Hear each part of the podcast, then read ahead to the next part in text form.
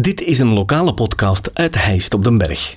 Uit het boek Ikke en de Sikke, in het Heists dialect geschreven door Eddy Keulemans en Sikke Ooms, worden korte verhalen in datzelfde dialect voorgelezen.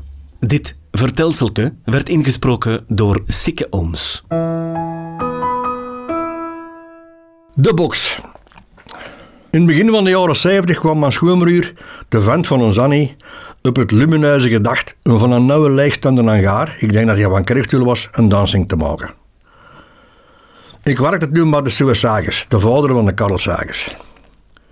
Het was bekend winter en ik kreeg dat geregeld, alleen ons Simon, want die deed door de affaires van de gasten worden voeten, dat kon gewoon doppen.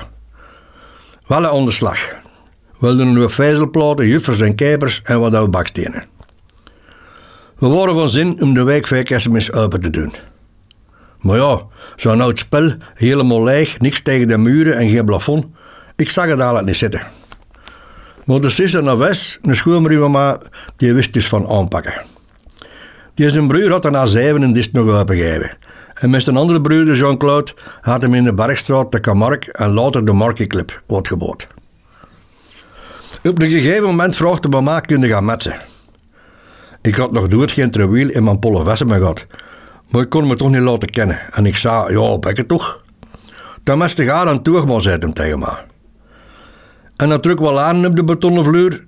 En de wachten moest ik zelf maar wat vuilen. Ik moest alleen maar zien dat als dat blad erop lag, dat mijn elleboog op de toer kost liggen. Hij smijt de drood, hij moest even aan staan.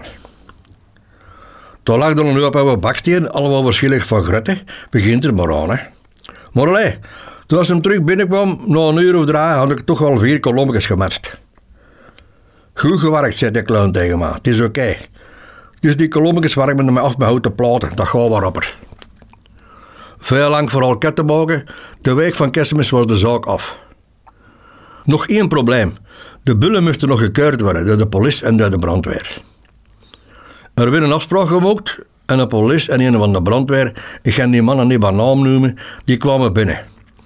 En die hadden op het eerste gezicht nog even aan gaan keuren, als je weet wat ik bedoel. Dus is had de lichten gedaan en dat was dus zo donker als in een hel. Die politie zei, je ziet wel niet vuile mannetjes. Maar het schoonburger, die haal andere watertjes er zwommen. En die zei dat de lichten op de discobar wel werkten, maar dat die nog niet aangesloten waren. De bullen werden begot goedgekeurd, alleen we hadden nog geen naam.